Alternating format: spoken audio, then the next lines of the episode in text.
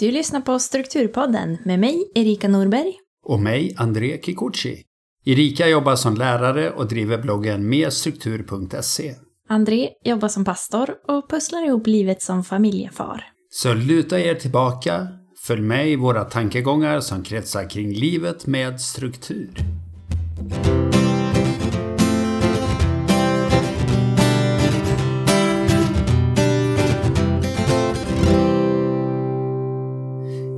I dagens avsnitt så pratar vi om ett ämne som eh, kan förändra våra liv. Eller på olika sätt har förändrat våra liv.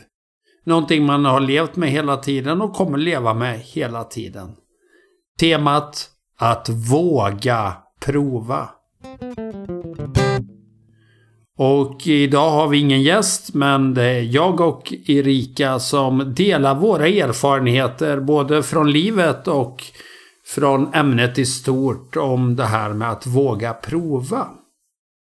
Och eh, jag tänkte börja med en liten berättelse som eh, jag har delat i något avsnitt, men det var ett av de första avsnitten, så att det är nog dags att ta den i en gång till.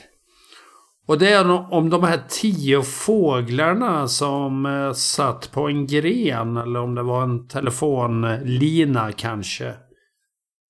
Av de här tio så är det en som bestämmer sig för att flyga iväg. Och då är frågan hur många är kvar? Och då kan man ju tänka, eller vill du tänka Erika? Vad, vad tror du? Hur många är kvar? Det logiska att tänka om det skulle stå i matteboken är att det är nio kvar då. Mm.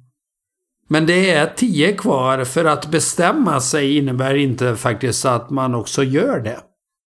Nej, precis. Ja, det kan vara svårt. Vi har ju haft flera avsnitt om att komma igång. Få saker gjorda. Det, vi har ju lite olika tips på det. Mm. Ett tips är att ta hjälp av någon.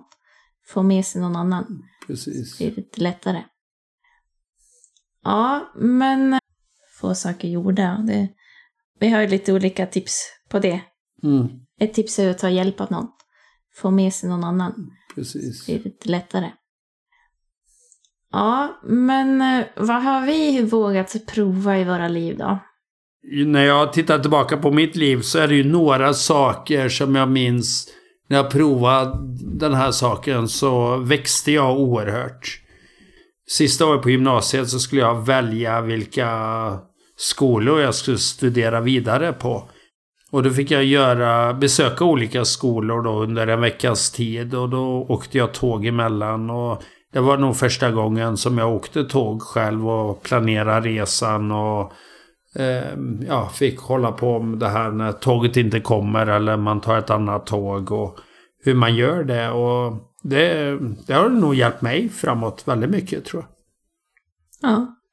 Ja, det påminner mig om eh, första gången jag skulle resa utomlands. Eh, det har jag nog nämnt någon gång.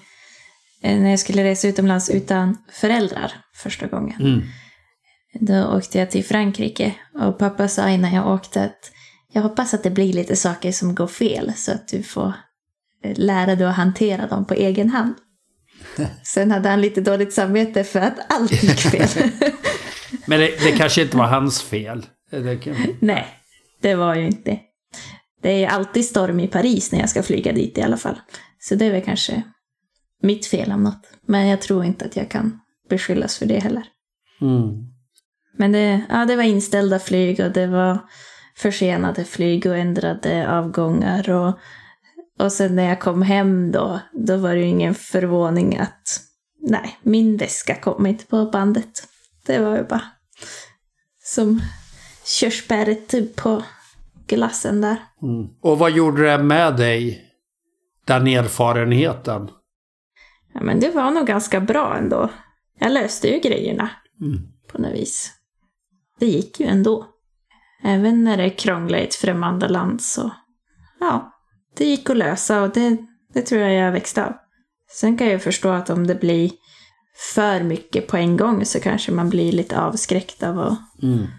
göra något sånt. Men eh, för mig var det nog på en bra nivå ändå. Det kom säkert några tårar under den där resans gång, men det löste sig. Och blev en bra resa.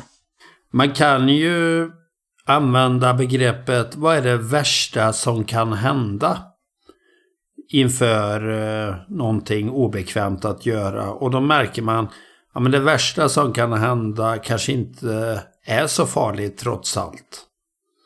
Nej.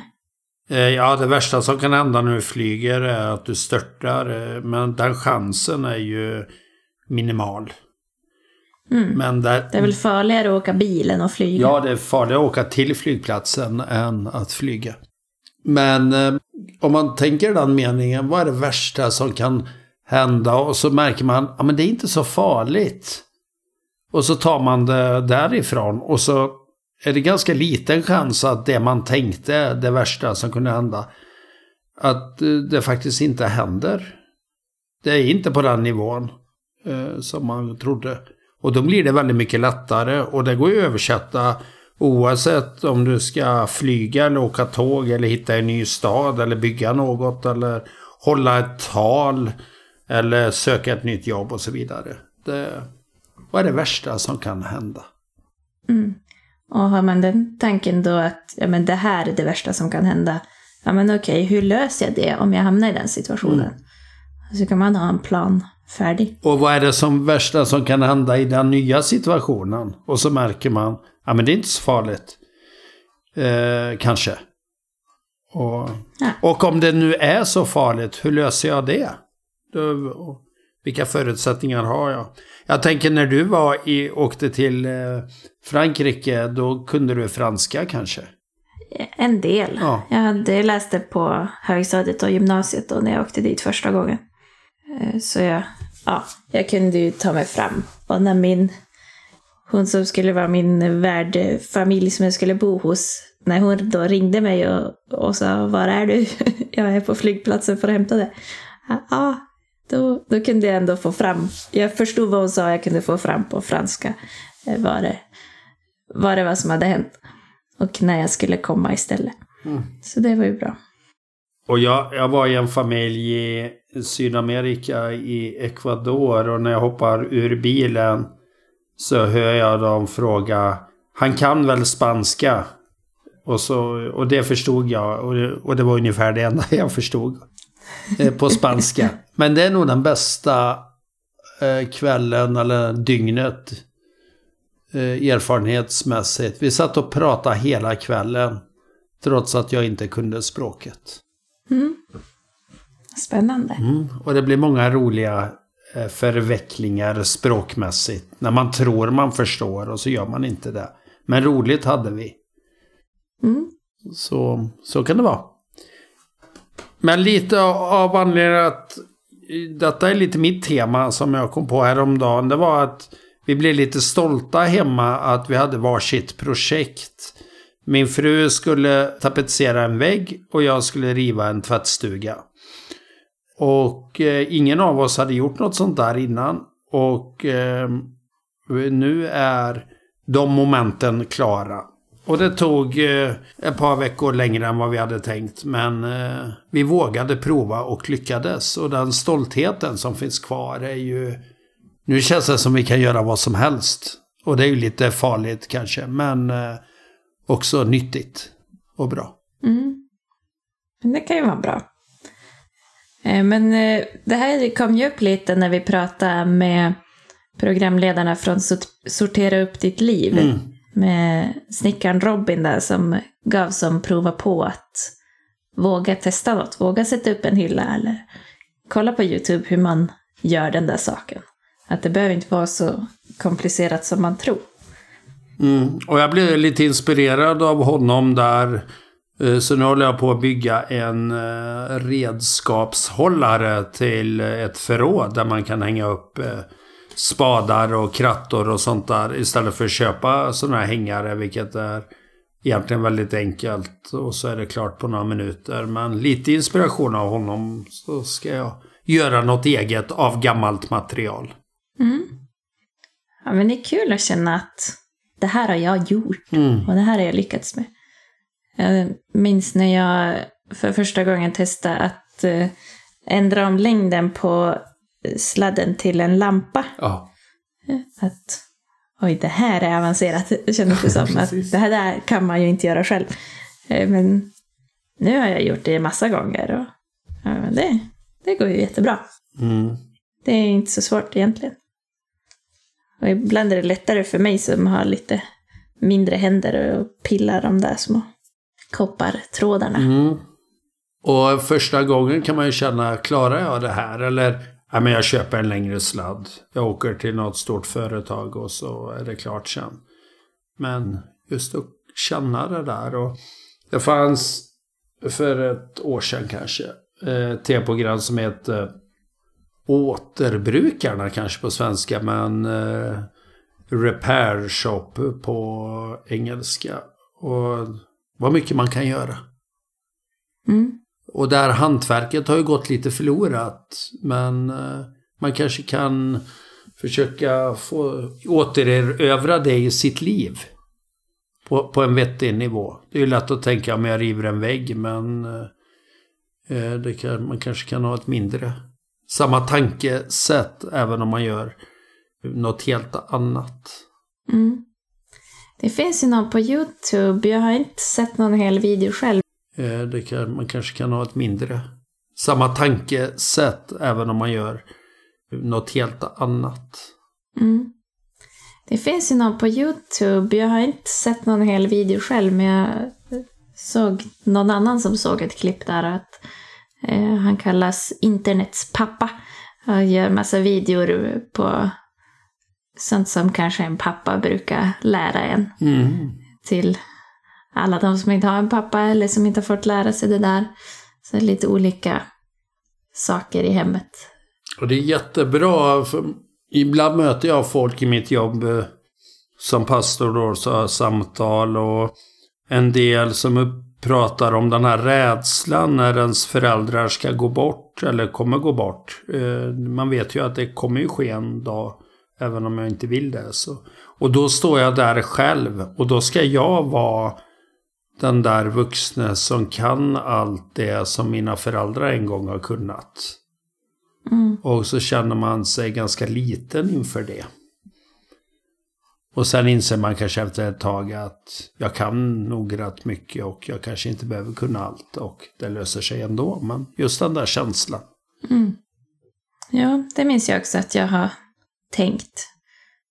Nu känns det som att eh, det, det kommer inte vara det som är det stora med att- att förlora föräldrarna. Att, att jag inte kan fråga dem om råd om sådana saker. Utan mycket kan man ju få från annat håll. Utan det är väl mer personen som Mm. saknas då. Mm. Och den där någon att kanske bolla lite med om man är osäker inför något beslut så kan det ibland vara lite skönt att ringa en trygghet som man kanske har i sina föräldrar då. Mm. Och så få bolla lite. Och man kanske vet egentligen deras svar från början och det svaret kanske är sant. Men man kanske inte vill erkänna det riktigt. Men när man har bollat med dem så inser man, ja men det är nog så. Nu vet inte föräldrar alltid bäst, men de kan få en annan synvinkel. Så är det ju. Mm. Men hur ska man då göra om man känner, ja men åh, jag skulle vilja, ja, vi säger tapetsera en vägg. Jag vill inte ta in ett måleri som gör det. Och så tänker jag, jag har aldrig gjort det, jag kan ju inte sånt här. Jag har ju tummen mitt i ryggen som Hasse Karlsson sa när vi intervjuade honom. Finns det några strategiska knep när man står inför detta? Mm. Min första tanke är ju att googla på det. Men jag vet en del som eh, ser det som ännu en sak som eh, är, är för svårt. Eller vissa tycker att det är så lätt att bara googla på någonting men jag vet inte vad jag ska söka på. Sådär. Men ett sätt är ju att, att välja just YouTube då kanske. Mm. Om man vill ha en video på hur man gör någonting. Eller så kanske om man föredrar att prata med någon, antingen kolla med någon man känner. Mm. Eller om man går till någon så här bygghandel. Så kanske man kan fråga dem. Mm. Hur gör man? Eh, Vad behöver jag och, och hur ska jag göra? Så kan de säkert tipsa också. Har du något råd? Ja men eh, alla de tre är bra. Inför våran lilla vägg vi gjorde då en entré eller en vägg med eh, en ingång till köket. Så det blir ju som en, en ganska liten vägg egentligen. Men eh, då frågade ju folk och då sa de lite olika och sen när vi gick till affären för att köpa det vi trodde, då var det en av expediterna i affären som sa Nej men jag skulle göra på det här sättet. Och så blev det en annan variant. Mm. Och eh, då var, trodde, då var det en av expediterna i affären som sa Nej men jag skulle göra på det här sättet. Och så blev det en annan variant. Mm. Och eh, då var just i den affären eh, expediten så tillmötesgående att vi fick ta hem det vi ville och det vi inte kommer använda eh, får vi lämna tillbaka. Mm. Det är väldigt trevligt. Vi märkte ju att det var när vi började riva det att det var ju inte ett lager tapet utan fyra lager tapet på den här lilla väggen och då ja, eskalerar ju eller utmaningen. Jag höll på att säga problemet, det behöver det inte vara, men eh, utmaningen förändrades eh, under tidens gång. Mm. Och inlärningssituationen. Ja. Facebookgrupper är ett annat bra ställe att fråga om hjälp på. Mycket bra. De flesta grupper, där besitter de ju en enorm kunskap och kan man formulera sig på rätt sätt när man skriver så kan man ju få oerhört mycket hjälp. Mm. Och så får man hoppa över de där som skriver lite elakt eller dåligt. Det, det är en minoritet som syns och hörs mycket. Men de flesta vill ju hjälpa en. Om man uttrycker sitt Ja. problem. Eh, jag ska också säga liksom identifiera, ja, men vad är det du behöver göra? Och så begränsa dig i det. Så att du inte börjar riva en vägg och så märker jag, ja men jag tar en vägg till. Eller jag, jag gör det här och nu, nu är jag där. Och så blir det mycket större än vad du någonsin hade tänkt. Mm. Och bara dela med en till kan ju vara att du har någon rådfråga under tiden. Har, har du familj kan du ju dela med familjen. Så där, man, nu är jag i den här eh, momentet, vad tycker ni? Mm. Eller att man skickar då till en sån grupp eller frågar att nu har jag gjort det här, del 1. Vad är nästa del? Liksom.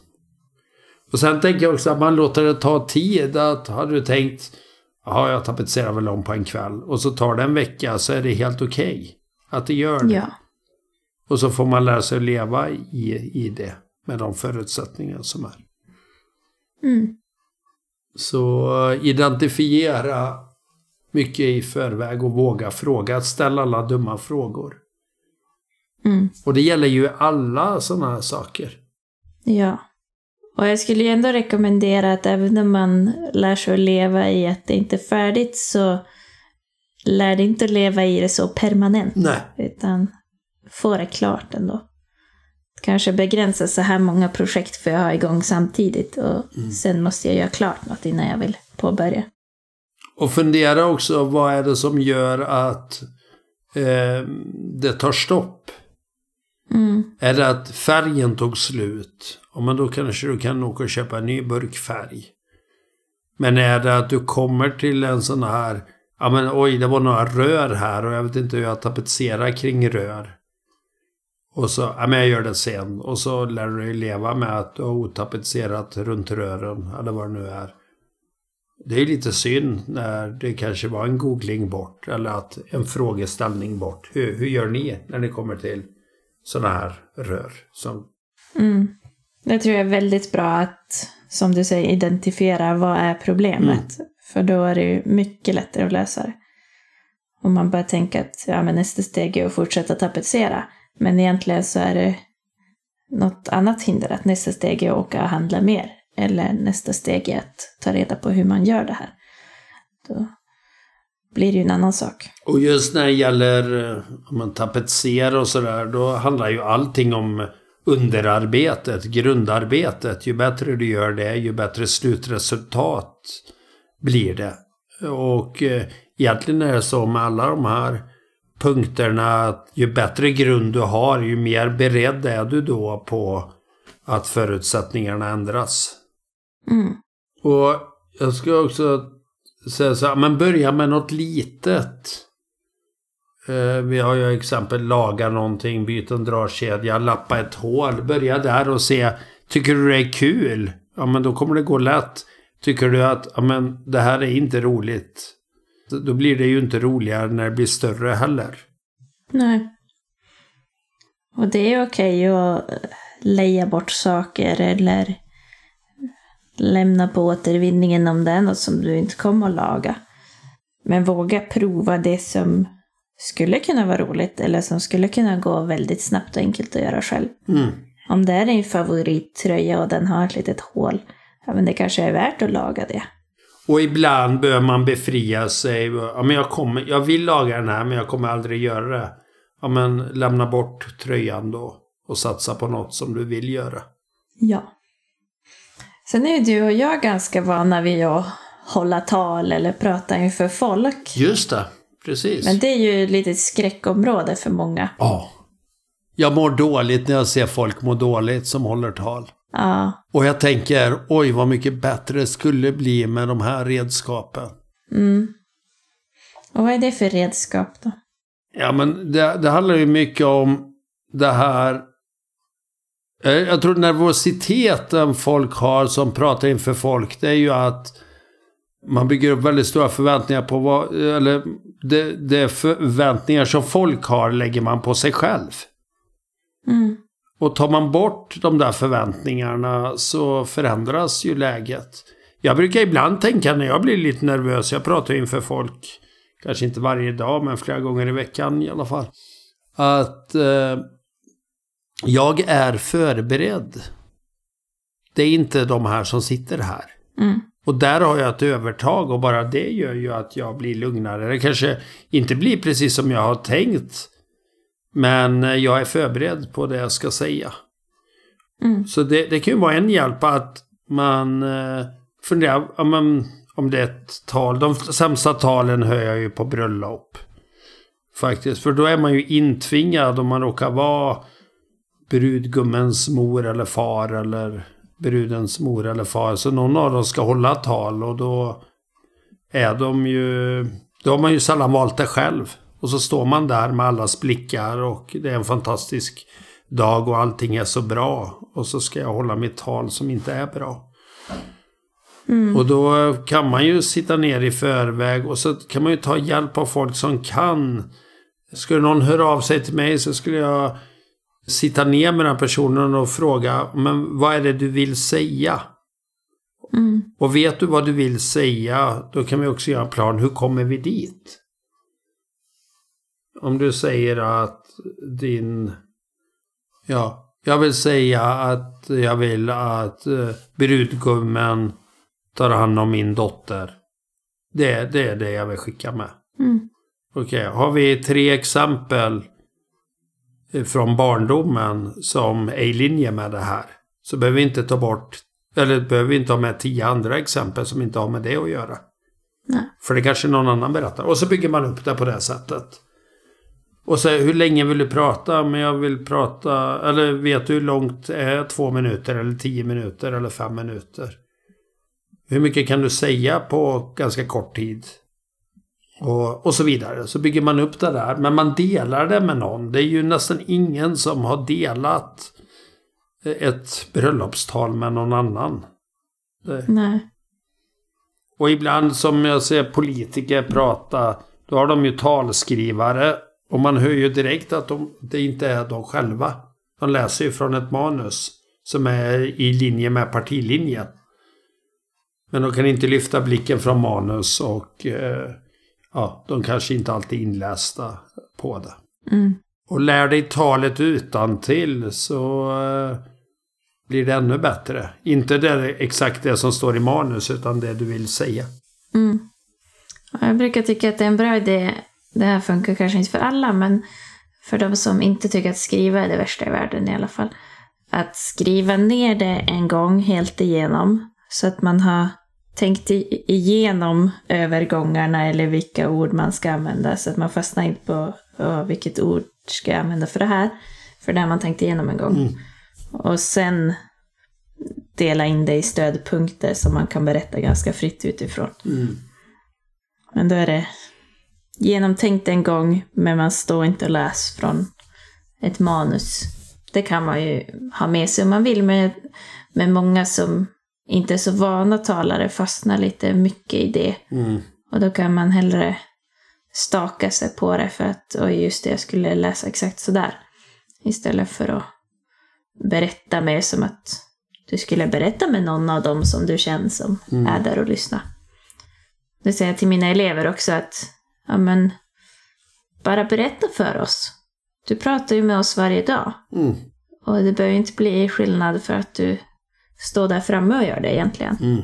Det är jättebra att försöka få det mer avslappnat. Och eh, det, ibland när man håller ett manus i handen så märker man att jag darrar för jag är så nervös. Och då tänker jag oj, alla ser att jag darrar och så byggs det upp en ännu mer anspänning. Hade jag inte haft något i handen hade inte folk sett att jag darrade kanske. Nej. Och sen, jag jobbar ju mycket med cirkelkompositioner vilket gör att man kan börja, börja i en berättelse och så avslutar man i samma berättelse. Mm, Det är snyggt. Och då, då kan man ha ett långt tal eller ett kort tal men det låter... Nu avslöjar jag någonting här men då låter man mycket mer förberedd än vad man kanske är. Mm. Och då även när man kommer av sig någonstans där mitt i, om man ändå knyter ihop slutet med början, då är det ingen som märker det. Nej. Inte så många i alla fall. Och då kan folk säga wow vad förberedd du var. Och så kanske jag var det. För jag har tänkt men jag kanske inte har lagt ner så himla mycket tid som det lät. Men, men jag hade tänkt till vad jag skulle säga. Men eh, det, det är ju en sak och det kan man ju prova i alla möjliga sammanhang. En annan grej som du har berättat för mig det är ju det här som många har stått inför. Att våga byta ja, jobb eller karriär eller eh, den stora biten. Uppbrottet. Och där är du just nu. Vill du säga något mer om det? Ja, jag är ju det. Jag har eh, skrivit på kontrakt för en ny tjänst till hösten. Jag jobbar ju som högstadielärare nu, men ska bli gymnasielärare till hösten. Mm. Jag har utbildat mig till det och alltid varit inställd på att jag ska till gymnasiet. Men så blev det fem år. Jag har trivts fantastiskt bra med mina kollegor. Och, och det är ju lite mer liv i högstadieeleverna än gymnasieeleverna. Sådär naturligt. Men jag, jag känner ju också att, ja, speciellt i år när jag har haft niorna mindre än vanligt, att, att jag saknar verkligen den, eh, det samtalet man kan ha med dem i nian som är svårare att ha när de är yngre. Mm. Och på gymnasiet då kan man ju ha det samtalet från start. Och, eh, och jobba med skrivandet på gymnasiet tycker jag är väldigt roligt. Mm. Så ja, det känns spännande och läskigt och har inte varit lätt att ta det beslutet men, men det känns också väldigt bra och roligt att eh, få testa något nytt sådär. Hur har processen sett ut från den här tanken jag borde till nu tar jag steget? Ja, väldigt mycket peppning från familjen. Mm. Att ja, du har alltid tänkt det här, det är dags nu. Eh, och det har ju underlättat. Och sen att ja, men då skriva ihop någonting, ja, men vad, vad är det jag kan bidra med som lärare? I personligt brev om jag ska skicka in det till jobb och se över hur mitt CV ser ut och sådär. Eh, och sen skicka ut det till några gymnasieskolor. Fick svar från alla att det låter intressant, eh, vi kommer att lägga ut våra annonser på Platsbanken. Så kolla där. Mm. Eh, Så då fick jag söka den vägen ändå. Ehm, Men då hade jag ju ganska klart, jag kunde bara göra lite små justeringar i personliga brevet och skicka med CV.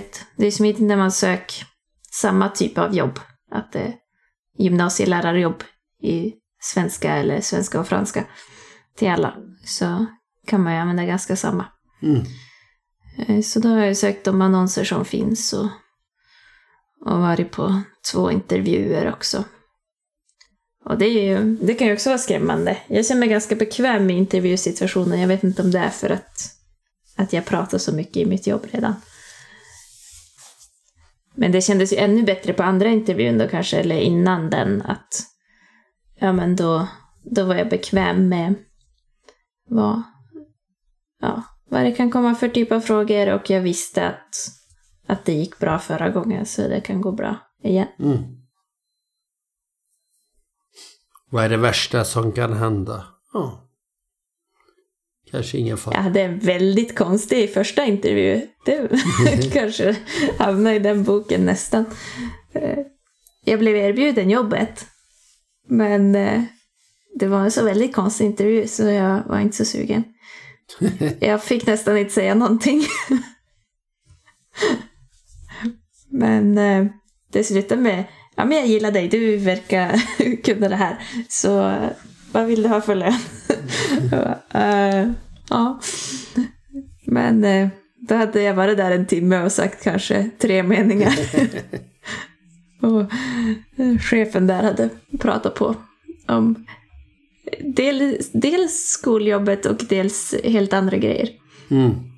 Så det var intressant. Verkligen. Ja, men det kan ju vara viktigt om man sitter på andra sidan bordet också. Vad är, vad är syftet med en intervju och så vidare. Mm.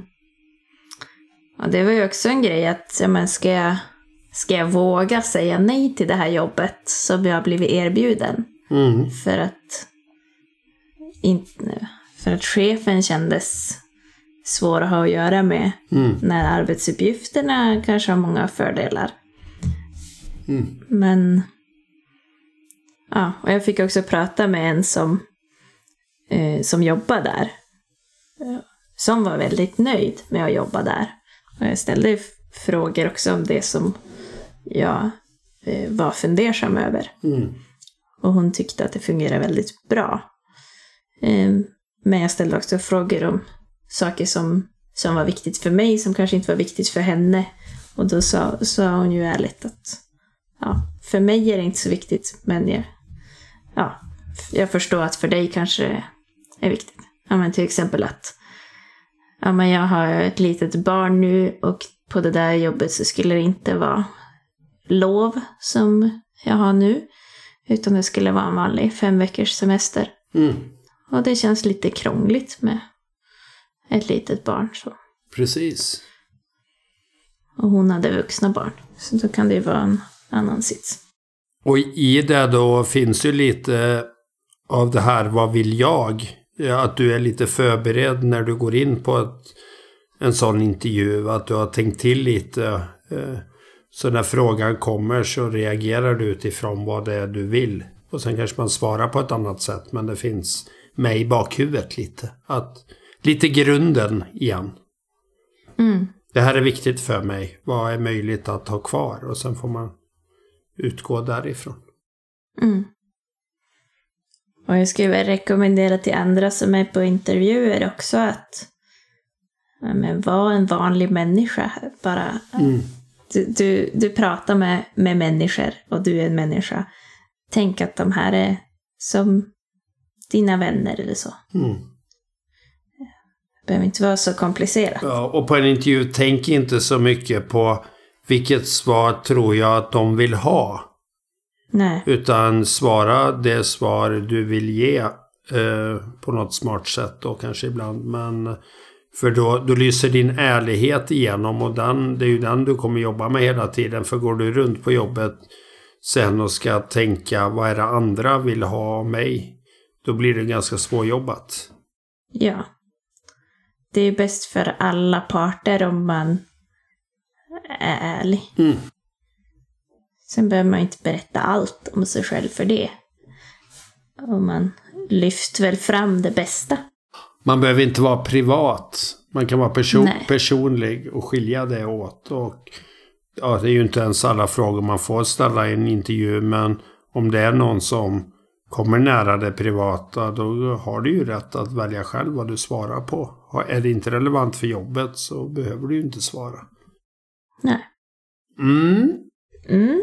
Så våga söka nytt jobb om eh, det känns rätt för dig. Ja, jag har hört eh, något svar på, jag skrev ett blogginlägg för några år sedan måste det vara nu. Att om du är missnöjd, gör en förändring. Ja. Att eh, ja, men om, om du vill att något ska vara annorlunda på arbetsplatsen, försök förändra det. Och får du inte igenom dina förändringar, ja men då kanske det är dags att byta jobb. Mm. Eller som för mig då att, ja men, har det här varit lite ett tillfälligt jobb som inte riktigt är det du hade tänkt, så kanske det är dags att byta. Mm. Och jag har ju fått jättemycket bra erfarenheter från det här jobbet som jag kan använda sen. Men det är ju inte, jag har inte jobbat på gymnasiet och det är dit jag tror att jag ska. Mm. Ja, det är bra. Det är många bra saker där att våga. Sen kan man ju ta på en betydligt lägre nivå än livsomtumlande att byta jobb. Det kan ju vara en hög. Vi har ju, pratar ju mycket, särskilt i början av vår, de första avsnitten, då handlar det bara om högar. Men, och vi har kanske släppt det lite, men högarna finns ju ofta kvar eh, på våra skrivbord. Eller i våra liv på olika sätt. Att man vågar ta tag i det där hemska högen. Och man kan ju översätta högen, den kan vara en hög på skrivbordet med papper, men det kan ju ibland vara något djupare också. Det där jag undviker, jag, jag inte vill se. Hur, hur börjar jag bearbeta det? För det tar ju energi ändå att det ligger där och gnag. Mm. Ja, men vi hade en hög papper på köksbordet. Vi visste inte riktigt vad som var vad i den. Så en kväll då tog jag och gick igenom den. Och det, det gick ju väldigt snabbt. Och sen var det borta. Ja.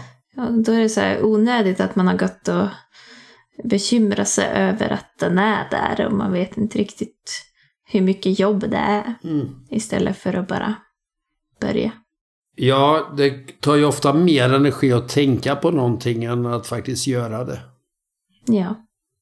Och eh, det utmanar också det här att man eh, om man tar tag i en hög så kan man ju upptäcka saker i den här högen som faktiskt hjälper en eh, till, till massa andra saker Mm. vidare. Så att man, man får mycket mer hjälp än vad man tror. Man kanske hittar, oj, här var det här dokumentet som eh, en lathund för någonting. Och så gör det att det blir mycket lättare.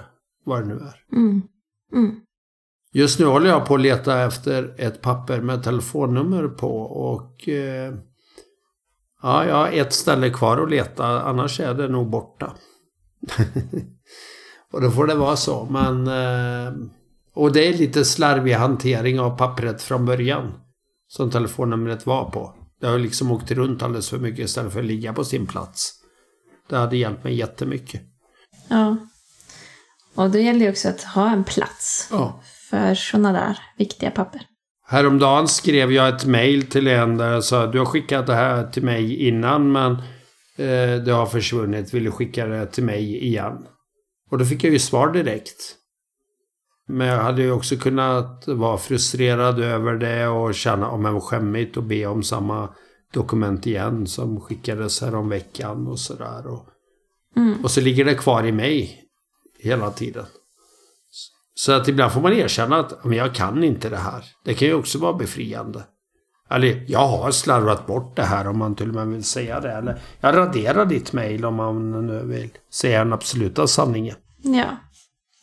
Och jag har suttit med bokföring någon gång och så har jag Okej, här är ett köp på NetOnNet för så här mycket och jag hittar verkligen inte kvittot på det.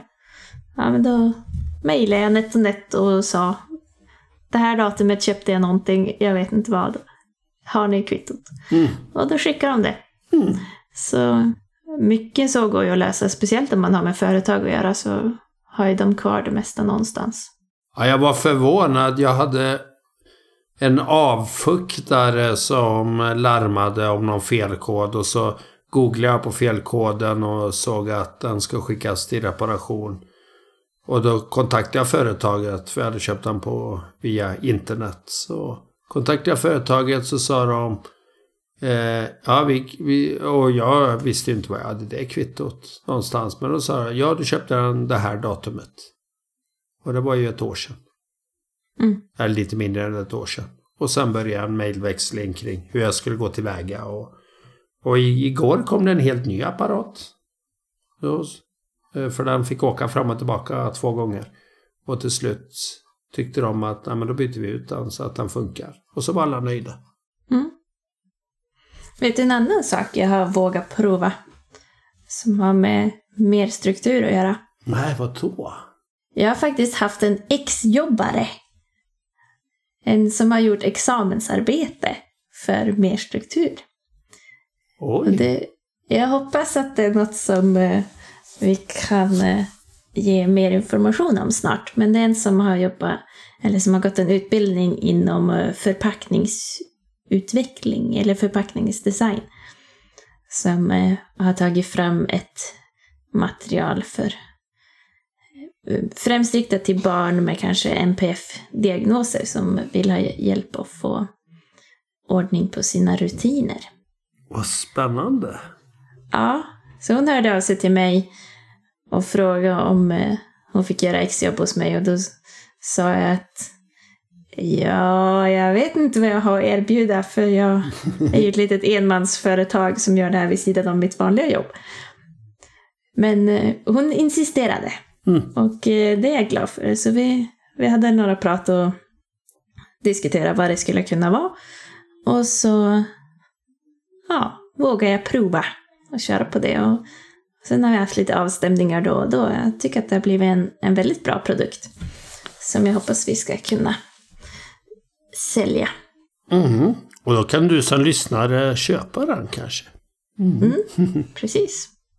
Och vill man köpa något annat så kan man köpa strukturkalender. Som jag också vågar prova att göra för några år sedan. Ja. Och som jag vågar prova att, att använda för några år sedan och det, det har ju hjälpt mig jättemycket. Mm. Det går lite upp och ner måste jag väl erkänna men eh, det är skönt att bocka av saker. Mm.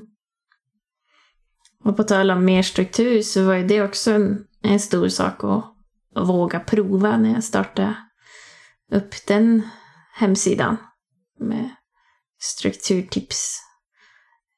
Att eh, jag ville skriva och jag kände att jag hade något att dela med mig av med Mm. struktur. Och att jag, jag gillar att läsa på och hitta mer tips om det.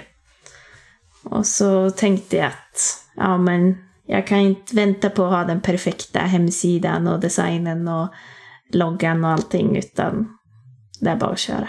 Och likadant den här strukturpodden. Jag hade aldrig lyssnat på en podd innan jag spelade in första avsnittet. Och när jag tänker på det nu efter... Ja, vilket avsnitt är det här för nummer? Är det 60... 66. 66 nummer så hade jag ju inte bilden av det riktigt. Det kommer bli 66 avsnitt och utan vi bara körde på och så blev det vad det blev. Och en del är bra och andra kunde varit bättre men eh, hjälper någon så är det ju bra. Mm. Ja, jag tror man ska inte tänka för mycket innan utan våga börja och sen eh, är det lättare att köra vidare av bara farten. Mm.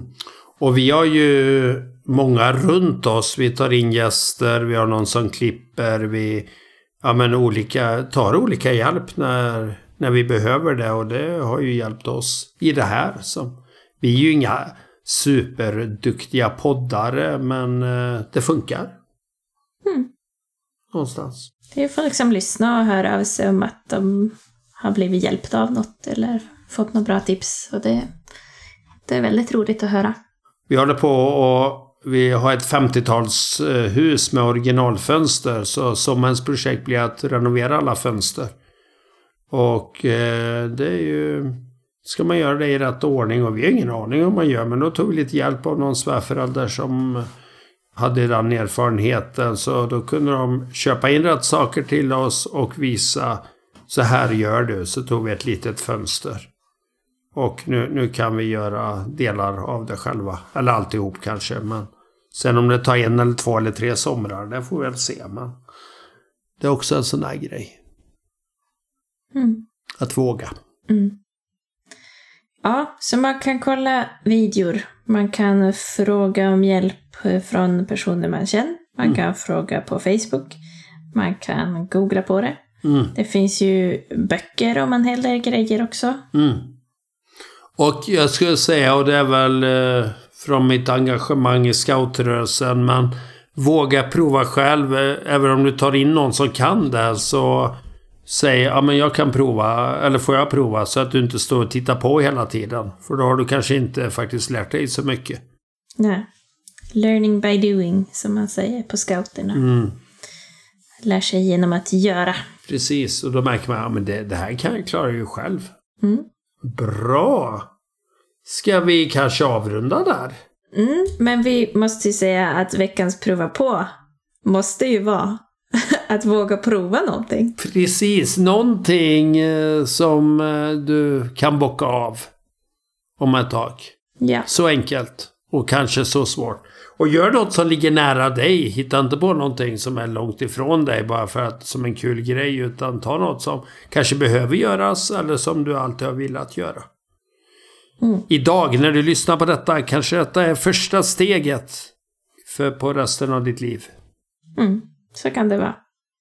Men jag skulle vilja tacka några personer som har vågat prova grejer. Ja, Till att börja med Simon Lundberg som var vår första redigerare som vågade prova redigera podcast och lyssna på oss i många timmar.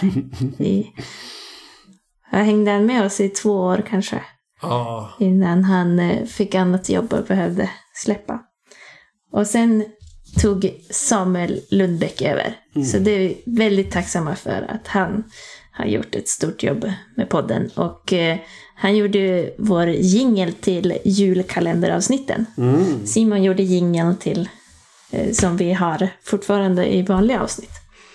Eh, så det är vi tacksamma för. Ja, för gäller det musik och jinglar så är ju inte det vår grej. Och det ska vi kanske Nej. inte ens prova på faktiskt. Nej, jag tror inte. Och det är väl det sista, det här att inse också sina begränsningar. Måste jag prova på allt? Nej. Men, Nej. Nej. nej. Och sen tack till Claes Johansson som hoppade in och redigerade två avsnitt nu här när vi inte Ja. hade någon annan. Och vill ni höra vem han är så är han ju med i ett avsnitt. Eh, Mm. Ett av de tidigare gästerna är han. Och han pratar om när allting är huller om buller. Mm. Ett enda kaos. Mm. Och sen får vi tacka någon som vi just nu inte vet vem det är som redigerar det här avsnittet. Ja. Vi har fått in några ansökningar och ska prata vidare och vi, vi är glada att de vågar skicka en ansökan. Och vi är väldigt glada att den här personen har ställt upp och redigerat det här avsnittet. Och som vi brukar säga, har du tips på någon som du vill ska gästa vårt program? Kanske du själv vågar prova på? Eller någon annan du tycker är bra så hör av dig så får vi se hur det passar in i, vår, i, i våra teman och tankar för framtiden. Mm. Och vart skriver man då, Erika? Ja, då kan man gärna skicka till hej strukturpodden.se eller skriva i vår Facebookgrupp Strukturpodden eller använda kontaktformuläret på strukturpodden.se. Ja, så gott. Men eh, då ses vi i nästa avsnitt. Ha det så bra! Hej då! Hej då!